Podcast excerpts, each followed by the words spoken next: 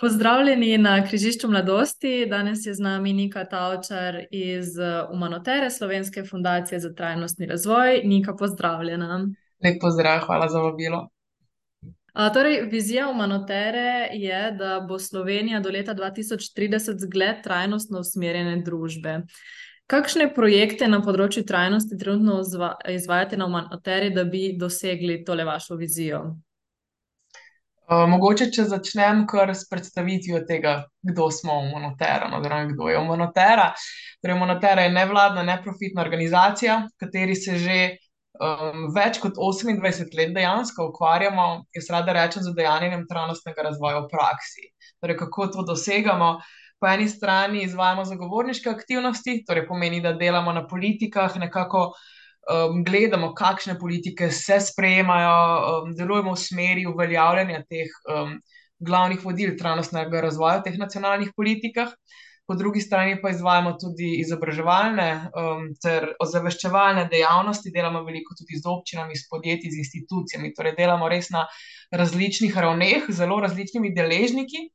Delamo predvsem na področju podnebnih sprememb, sama se v tem kontekstu ukvarjam predvsem s področjem oskrbe s hrano, projektno pa trenutno tudi na, recimo podnebnih migracijah, na trajnostnem upravljanju z viri skupnosti, ozaveščamo, kjer ozaveščamo o blaženju podnebnih sprememb tudi, iščemo dobre prakse, blaženja podnebnih sprememb, dobre prakse občin, dobre prakse posameznikov, komuniciramo o njih, izvajamo konference s tega področja, pripravljamo publikacije, na primer, potem sodelavci se recimo ukvarjajo tudi s področjem energetike, porabo evropskih sredstev, ki bi morala biti zelena, ne zgolj v imenu, ampak tudi dejansko, zeleno proračunsko reformo, potem koordiniramo mrežo Plan B za Slovenijo, ki je edina vsebinska mreža v Sloveniji, ki združuje nevladne organizacije, ki delujejo na področju trajnostnega razvoja.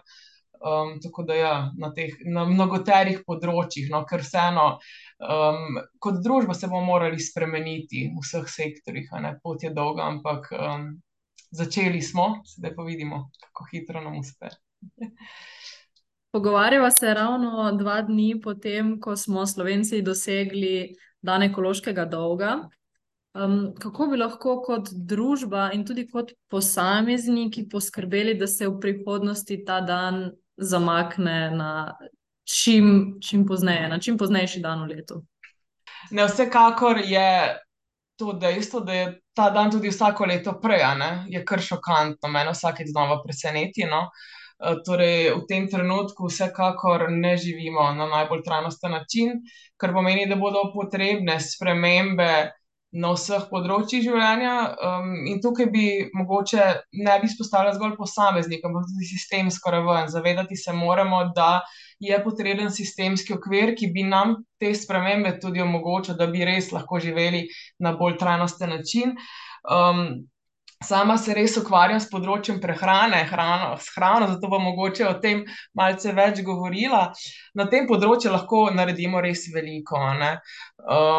že to, da res v čim večji meri na vsakodnevni ravni zasledujemo vodila podnebju prijaznejšega prehranjevanja, torej izbiramo hrano, ki je večinoma rastlinskega izvora, ki je pridelana na ekološki ali biodinamični način, ki ni zavržena, to je res nekaj, kar lahko vsak izmed nas naredi, pa še finančno se nam izplača dejansko. potem izbiramo hrano, ki je sezonska, lokalna, ki je čim manj pridelana in čim manj zapakirana. Ker vseeno je to področje hrane res tisto, na katerem imamo res velik vpliv, ne moremo mogoče izbirati tega, na kakšen način bo, proizvedena energija, ki jo imamo v naših stanovanjih, lahko pa vseeno vsaj malce izbiramo to, kaj bo na našem krožniku. In tudi izbire je v tem trenutku že kar veliko, možnosti obstajajo. Potem seveda, spremembe na področju mobilnosti za vsakega izmed nas, najbolj ogljično intenzivni način potovanja je letenje. Kaj to pomeni? To pomeni, da se mu res poskušamo izogniti, če se le da, ne, zdaj seveda to ne pomeni, da nikoli več ne bomo leteli, ampak to pač pomeni, da, če gremo nekam v Evropi, pogledamo, če je mogoče lažje, hitreje priti, včasih celo hitreje priti z vlakom ali pa z avtobusom, ne, saj ne vem, sama sem študirala v Nemčiji in vedno sem šla tja z vlakom In mi je bila tudi ena taka fajn izkušnja, že samo potovanje, vedno sem nekoga spoznala ali pa sem delala na vlaku, ne, tako predvsem manj stresno, tudi kot um, let, ki bi na koncu trajal še dlje, ker bi mogli iti prej na letališče, pa tam čakati in podobno. Um, Potem, seveda, poleg tega, da na vsakodnevni ravni, če se da, um, izbiramo bolj trajnostne načine prevoza, ne, če se da gremo peš, s kolesom, javni prevoz, ne, torej avtobus, vlak, uh, če ni druge opcije. Um, mogoče, kar sem tudi omenjala, tudi bolj trajnostni, nepotrošniški način življenja.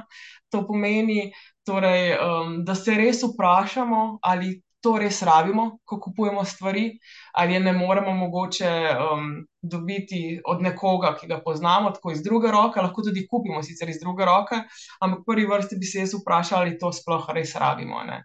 Sicer obstajajo tudi že izmenjevalnice, knjižnice, reči, naprimer, kje si ti lahko stvari dejansko izposodiš, jih vrneš ali pa jih izmenjaš. Ne? Tako da res ne uh, kontribuiramo k dodatni proizvodnji nekih materijalov, ki potem čez nekaj časa postanejo zavržen material in potem razpadejo na odlagališčih.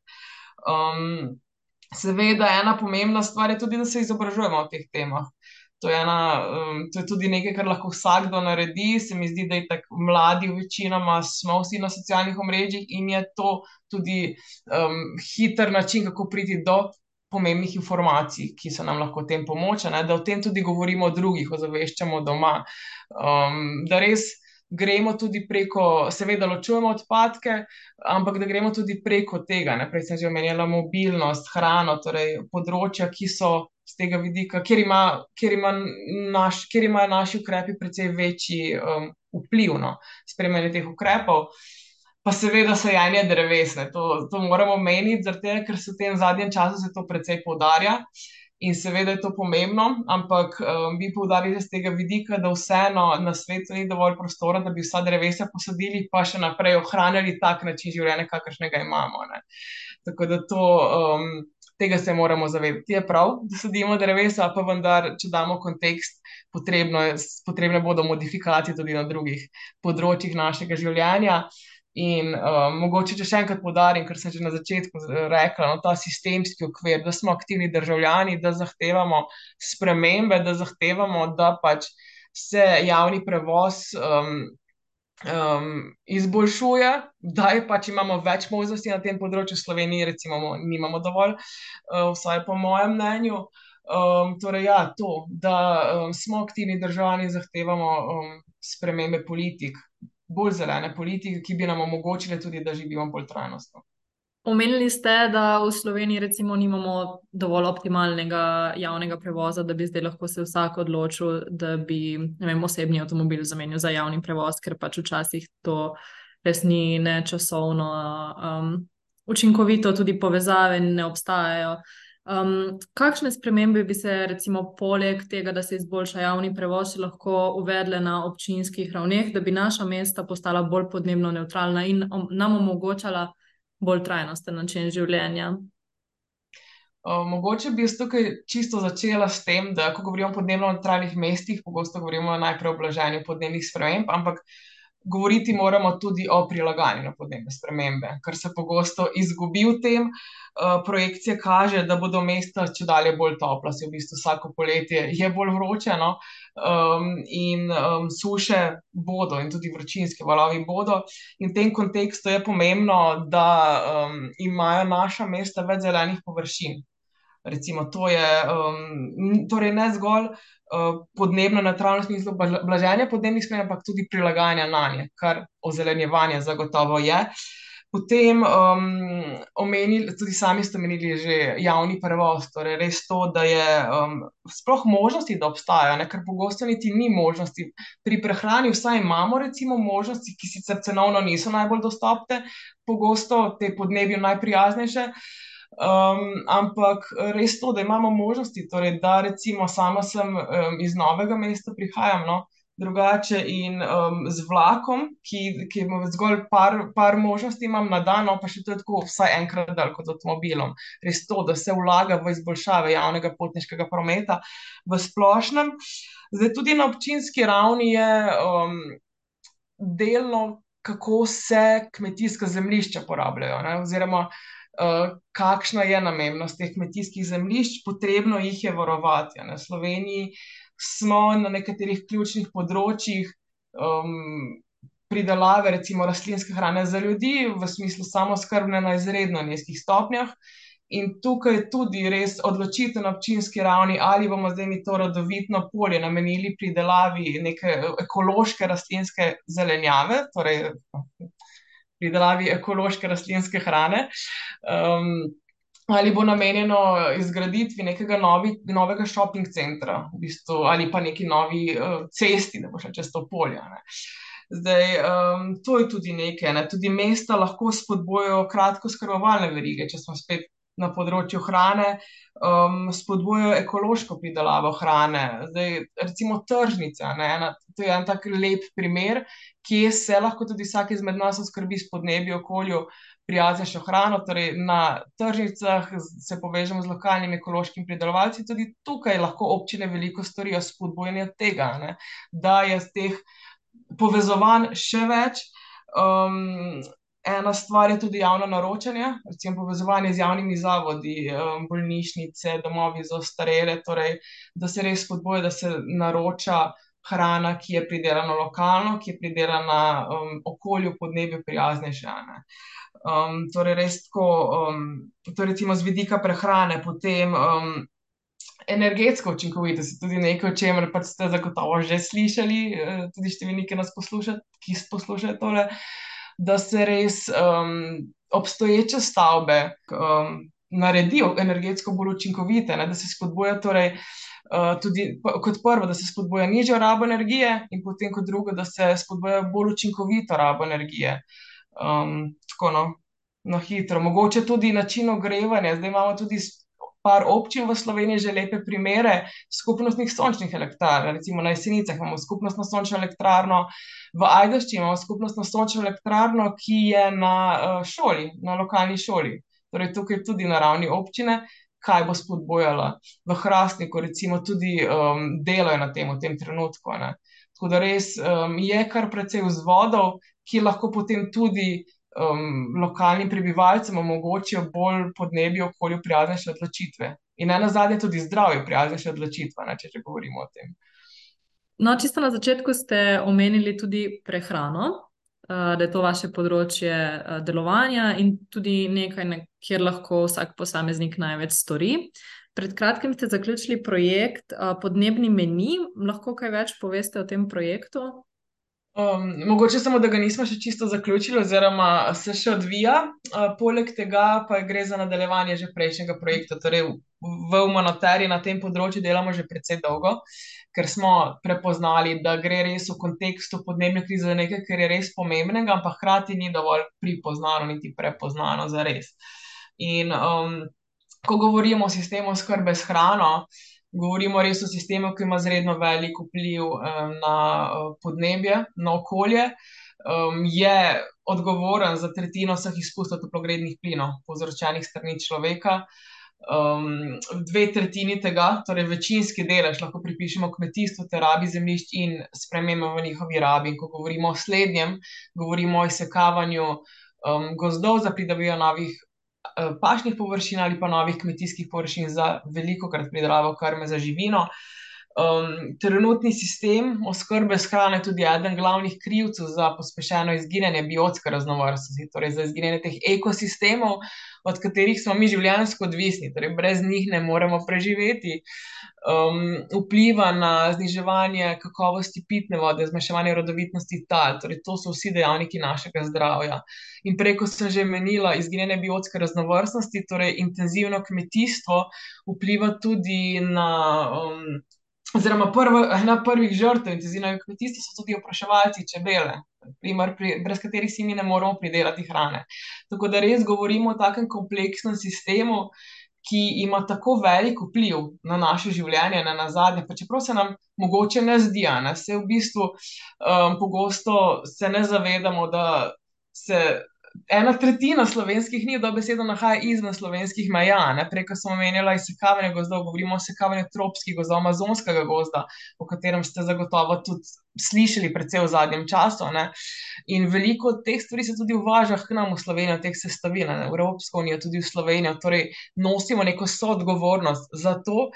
Um, Tako da um, za ustrezno naslavljanje tega problema bodo res potrebne določene spremembe na posameznikovi ravni, to je res nekaj, kjer lahko veliko sami naredimo, um, ampak tudi na sistemski ravni. Torej, ta sistemski okvir, ki bi um, z regulativami um, omogočil in podprl podnebju, okolju, zdravju, prijaznejšo pridelavo hrane.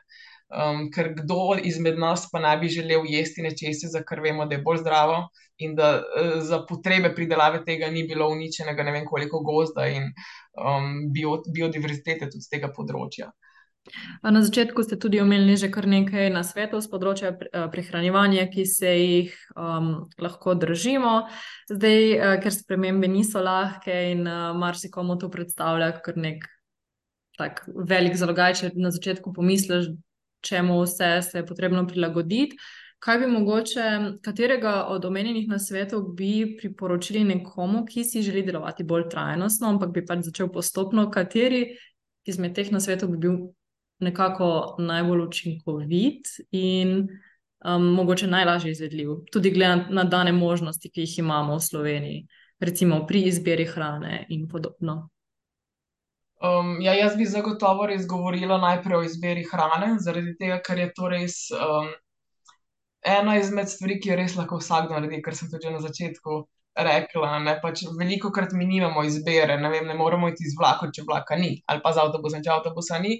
Vseeno pa lahko večkrat izberemo, kaj se znajde na naših krožnikih in gledamo na to. No. Izmed tistih sedmih načel podnebno prijaznega prehranevanja je sicer izbiranje hrane rastlinskega izvora res tisti ključen, tisti najpomembnejši iz vidika um, vpliva na podnebje, na okolje. Um, zato je ta vsekakor tisti, ki bi ga morali v prvi meri zasledovati. Torej, tukaj govorimo res o povečevanju deleža rastlinske hrane v naši prehrani, torej stročnih žitaric, sade, zelenjave in po drugi strani zmanjševanju um, hrane živalskega izvora, predvsem mesa in mlečnih izdelkov. Zakaj? Ker tega v bistvu prej še mogoče nisem omenila, ker um, to je v bistvu z podnebnega okoljskega vidika res najbolj smotrno, najbolj pomembno, ker je živ, živinoreja je največji kmetijski vir emisij toplogrednih plinov. Um, ima velik um, vpliv na porabo naravnih verov, na porabo pitne vode, ki bo v um, v luči podnebnih sprememb vse bolj problematična. Uh, ima velik vpliv na rabo kmetijskih zemljišč, ki jih imamo v omejeni, um, v omejeni meri. Tako da um, ti ukrepi bi hkrati vodili tudi do povečanja prehranske soverenosti Slovenije na nekaterih ključnih področjih, kjer sedaj nismo samo skrbni. Um, in to je res, um, ja, z tega vidika je to tisto najbolj ključno, je tudi iz zdravstvenega vidika najbolj smotrno. Ne? Tudi Nacionalni inštitut za javno zdravje je že leta 2015 Eh, pripravil priporočila, v katerih nekako govorijo o tem, da uživanje več kot pol kilograma mes, eh, rdečega mesa ali pa mesnih izdelkov na teden predstavlja že resno tveganje za zdravje. In v Sloveniji v tem trenutku to presegamo. Tako da res, um, če ne z okoljskih podnebnih vidikov, pa zdravstvenih vidikov, govorim res o zmanjšanju, ne, torej povečanju deleža rastlinske hrane, uh, ki je pridelana na ekološki način, če se da, in zmanjšanju um, hrane živalskega izvora v naši prehrani.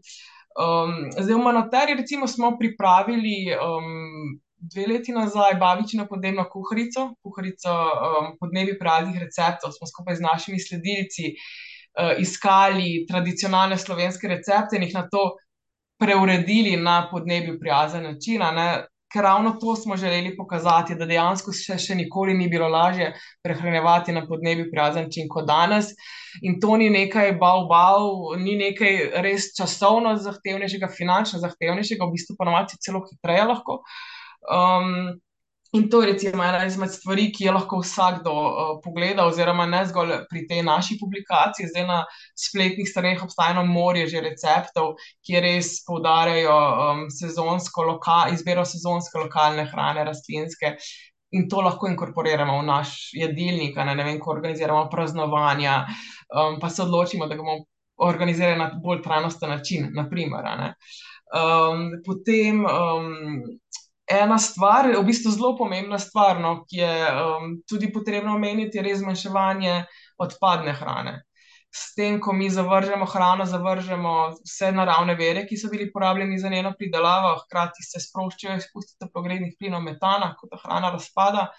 In to je res finančno, nelogičen, ne nelogičen korak. Tako da res to je tudi nekaj, kar lahko vsakdo naredi in ima veliko vpliva. Torej, da res premislimo, preden gremo v trgovino, kaj bomo zares kupili, um, in tudi izberemo pač, ko smo v trgovini, pogledamo, kaj kupujemo za res, da nas ne zavedajo neke akcije, ker pogosto se tudi sama znajdemo v situacijah, ko ponujajo, ne vem, dva plus ena, gratis in potem pač na koncu bi to celo kupila, ampak hkrati že vnaprej vem, da pol dveh ne bom pojedla. Ne? Tako da res um, smo pozorni tudi na take zadeve. Um, potem, um, ja, ena stvar je tudi, kje se s tako hrano skrbimo to sem v bistvu tudi že prej malce omenila preko teh tržnic, ampak da res um, razmišljamo o tem, um, eh, torej, kje se s tako hrano skrbimo. Ena stvar, ki je tukaj res uh, spodbudna za Slovenijo, je, da ima veliko hiš svoj vrtiček. Zdaj, ajde, jaz, recimo, tukaj živim v stanovanju, v Ljubljani ga nimam, ampak ga imam, imam srečo, da imajo moji starši doma. Uh, Ampak, um, recimo, podatki izpred korone govorijo o tem, da zgolj s pridelavo zelenjave na lastnih vrtičkih zadostimo polovici potreb po zelenjavi v gospodinstvih. Ne. To je res en tak spodbuden um, podatek. Si upam trditi, da se je tekom korone ta procent še povečal. Ne. Tako da res, če se da se na tak način um, oskrbijo ali pa s, kašne, s kakšnimi skupnostnimi vrtovi, da se povežemo tam.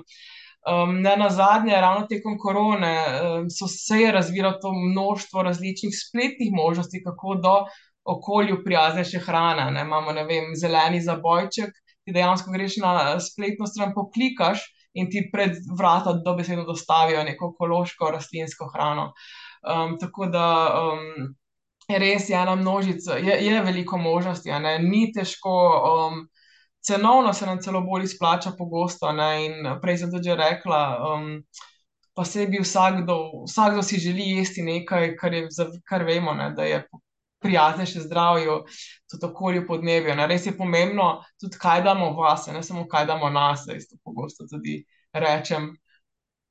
Um, ja, prav ti neki veri, ki ste jih omenili, recimo ta babična podnebna kuharica ali pa recimo, če najdemo na spletu kakšne recepte, se mi zdi, da lahko veliko pripomorejo, ker če bi recimo gledala, uh, ko grem, če grem kdaj ven v kakšno restauracijo, se mi zdi, da prav v Sloveniji zelo malo izbere um, nekih um, jedi, ki so na bazi pač rastlinskih izdelkov in potem pač človek res dobi občutek, da pač ne, kaj bi si pa sploh skuhal oziroma pripravil. Uh, mislim, mogoče me lahko popravite, ampak vsaj jaz sem dobila tako občutek, no, da v Sloveniji, če bi pač rad šel ven kaj pojesti, nimaš toliko velike izbire. Ja, mogoče mi je tako malo bolj optimističen uh, pogled imela, da se pa spremenja. Vsekakor je več kot nekaj let nazaj. No? Tako, uh, ker vem, da nekaj let nazaj, če sem želela jesti nekaj, kar pač ni bilo mesno, je bil pač to odsvrt ser in pomfrit. Sedaj imamo recimo malce več možnosti. Je pa res, uh, vsekakor, evo, tukaj tudi to, ne, da se. Um, kaj se spodbuja tudi na sistemski ravni, pridelava kakšne hrane. Uh, Um, in tudi to izobraževanje. Ne? Zdaj, vedno, ko govorimo o hrani, je potrebno govoriti tako tudi, tudi o povpraševanju in o ponudbi. Ne? Zdaj, več bo takega povprašanja, več bo take ponudbe tudi. In si upam trditi, da v, tujini, v, v, tujini, v prihodnosti bo tega še več. Um, ja, se, se strinjam. Če pogledamo druge države, v bistvu je um, vedno več takih možnosti na izbiro in počasi upamo, da tudi v Sloveniji. Pa mogoče sem še en um, tak upogled no, um, iz Umanotera. V Umanoteri vsako leto organiziramo vsaj eno konferenco, večjo konferenco, tudi druge dogodke in vedno jih organiziramo na podnebi prijaznejši način, kar pomeni tudi hrana, uh, naša pogostitev, torej zadostuje tem sedmim vodilom, ki sem jih prej omenjala. Tudi tukaj na strani naročnika.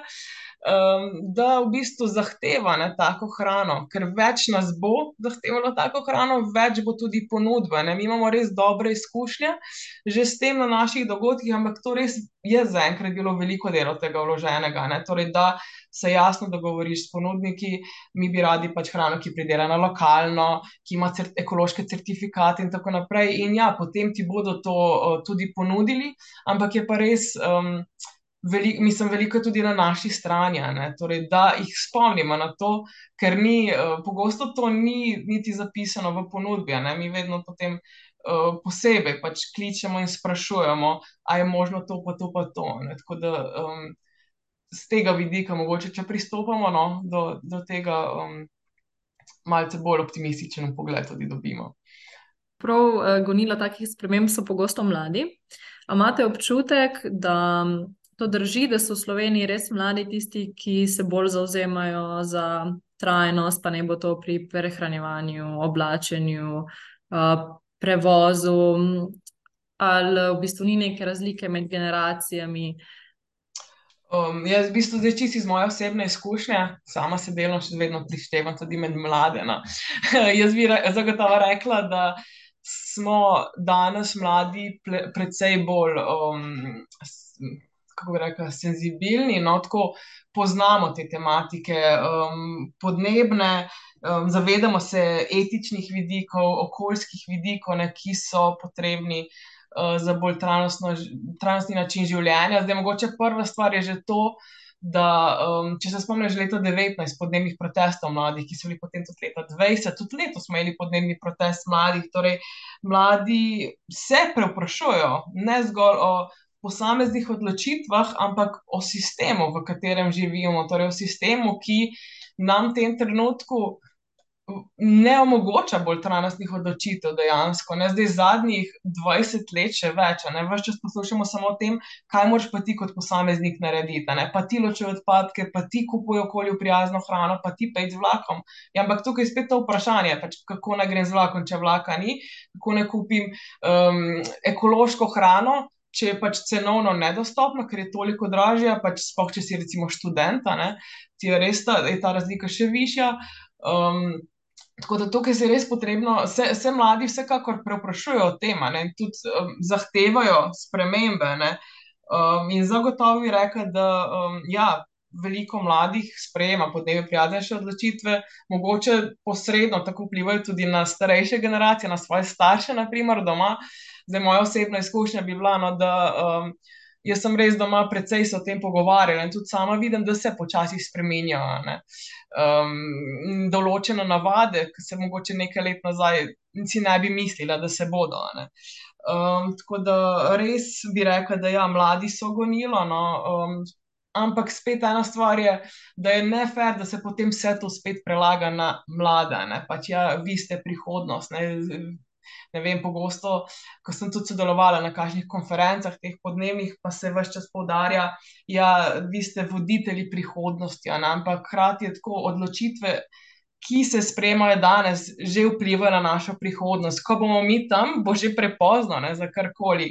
Tako da um, Ja, imamo res drugačna izhodišča, tudi kot so imele vem, generacije naših staršev. Zdaj, posod po Sloveniji, v Ljubljani je res evidentno, no, pač sama tudi tukaj živim, zato lahko tudi več o tem povem, ampak stanovanska problematika. Za nas ni več samo umevno, da bomo imeli svoje stanovanje. Torej, um, res imamo drugače, smo postavili popolnoma drugo izhodišče, kot so bile generacije pred nami, ne, kjer so bile določenosti skoraj da samoumevne. Tudi to, da imaš lastno vozilo, se ni več samoumevno v tem trenutku, z inflacijo, z vsemi cenami. Um, tako da res, um, že z tega vidika se mi zdi, da živimo tudi. Vidim, pač ena stvar je, da niti ne razvijamo potrebe po tem, torej, če se le da gremo s kolesom, z javnim prevozom, ne, se zavedamo tudi pomena tega. Um, ja, hkrati je pa več, ja, um, delamo kar lahko, ne vem. Um, ja, Preupraševanje o sistemu, no, to bi mogoče res izpostavila kot nekaj, kar je pač prisotno in je pomembno, um, najpomembnejše celo. Uh, to sem tudi večkrat ja, uh, zasledila, prav to, da lahko mladi spodbujamo starejše generacije. Najprej v bistvu začnemo doma, recimo starši, starimi starši, s prijatelji, da pač neko to ustvarjanje um, pozitivne spremembe v družbi, verjetno, dosti bolj učinkovito, kot če pač nekomu nekaj zapovemo, um, nek tak prijaznejši um, prehod, ki ga pač tudi lažje sprejmejo. Ja. Točno to. In tudi ena stvar, ne, k, um, sa, na katero samo pogosto pomislim, ko, ko razmišljamo o tem, kaj za me je bolj trajnostna prihodnost, in tudi ko se doma pogovarjamo. Ne, um, pa res to je prihodnost, v kateri bomo živeli boljša. Zakaj tako se tudi moji starši vidijo, da recimo, če jemo hrano, ki je bila pridelana na ekološki način. Pač, tudi pogosto tudi to, že, da vemo, na kakšen način je bila ta hrana pridelana. No. Se mi zdi, da um, se počutimo vseeno, vsekakor drugače. Ne. Se mi zdi, že počutje, no, ta, mogoče tudi na tak način, uh, preko te izkušnje. Um, predvsem pa, da se jim tudi pokaže, da se da, no, res, da ni nekaj tako fulj zahtevnega. Um, ampak ja, tako na tak način, da se tudi stvari spremenja. Um, Um, bi imeli mogoče za konec še kakšno spodbudno sporočilo, oziroma bi še kaj dodali? Um, ja, mogoče kot prvo, da um, ko govorimo o podnebnih spremembah, um, o tem, kaj nas čaka, ne podneb, pa živimo v času podnebne krize, posledice podnebnih sprememb so že evidentne in bodo v prihodnosti še bolj. Ampak še vedno ni prepozno. Pač res um, ne smemo postati apatični, prepričani, da je že vse izgubljeno, vsaka desetinka dejansko šteje. Ne? Je razlika, ali bo pač temperatura više za 2 stopinje ali pa za 1,8 stopinje. To je precej velika razlika in to, um, to, se, je, to se je potrebno zavedati. Da res, um, in da je tudi trajnostna družba tista, ne zgolj, da bomo mi sami pač v njej živeli bolje, pač vsi bomo. Živeli na bolj dostojen način, to, to, tudi to, to skupnostni moment se pač tega se je potrebno mogoče zavedati. Um, pa mogoče še nekaj, kar je ravno zadnjič direktorica Umonatere Gaja izpostavila. Da, um, ko govorimo o potrebnih spremembah na sistemski ravni, se moramo zavedati tudi, da so vse pravice um, priborjene, da niso podarjene. Ne? In da um, je res pred nami velika naloga, kako bomo mi naslovili to krizo, kako jo že naslavljamo ena je podnebna, okoljska, ekosistemska, no, pa tudi družbeno krizo, v kateri smo se znašli.